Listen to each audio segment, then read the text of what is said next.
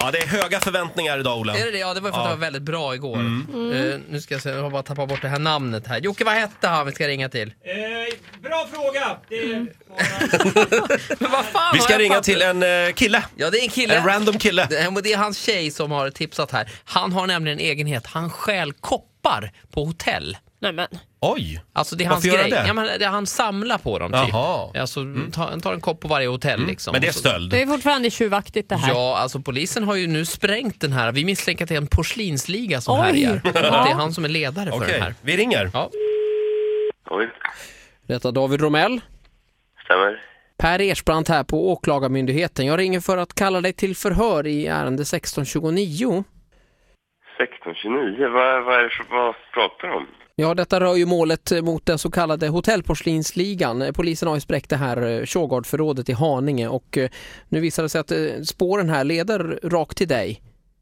Jaha, Hotellporslinsligan misstänks ta porslin från hotell som skeppas till Kina där minderåriga smälter ner det och formar om det. Sen låter man döva barn utan armar dek- dekormåla tulpaner med munnen. Men det här eh, känns väl bekant för dig antar jag? nej, inte alls.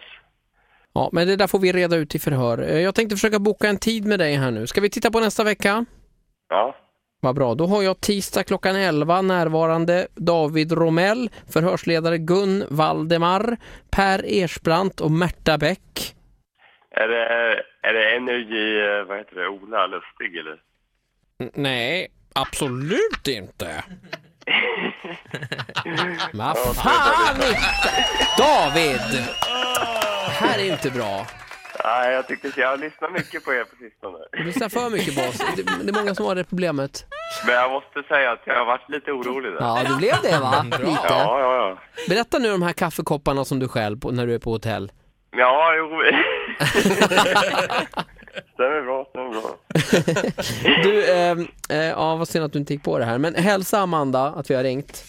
Eh, ha det bra så länge då. Ja, men det är fint, tack så. Ja, så här lät det när Ola ringde till David. Han får en liten applåd av oss, va? Han kände igen mig, men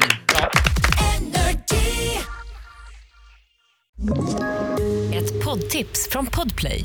I fallen jag aldrig glömmer djupdyker Hasse Aro i arbetet bakom några av Sveriges mest uppseendeväckande brottsutredningar.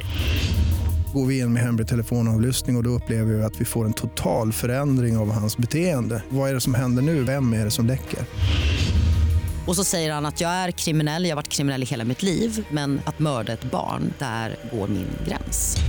Nya säsongen av Fallen jag aldrig glömmer på Podplay.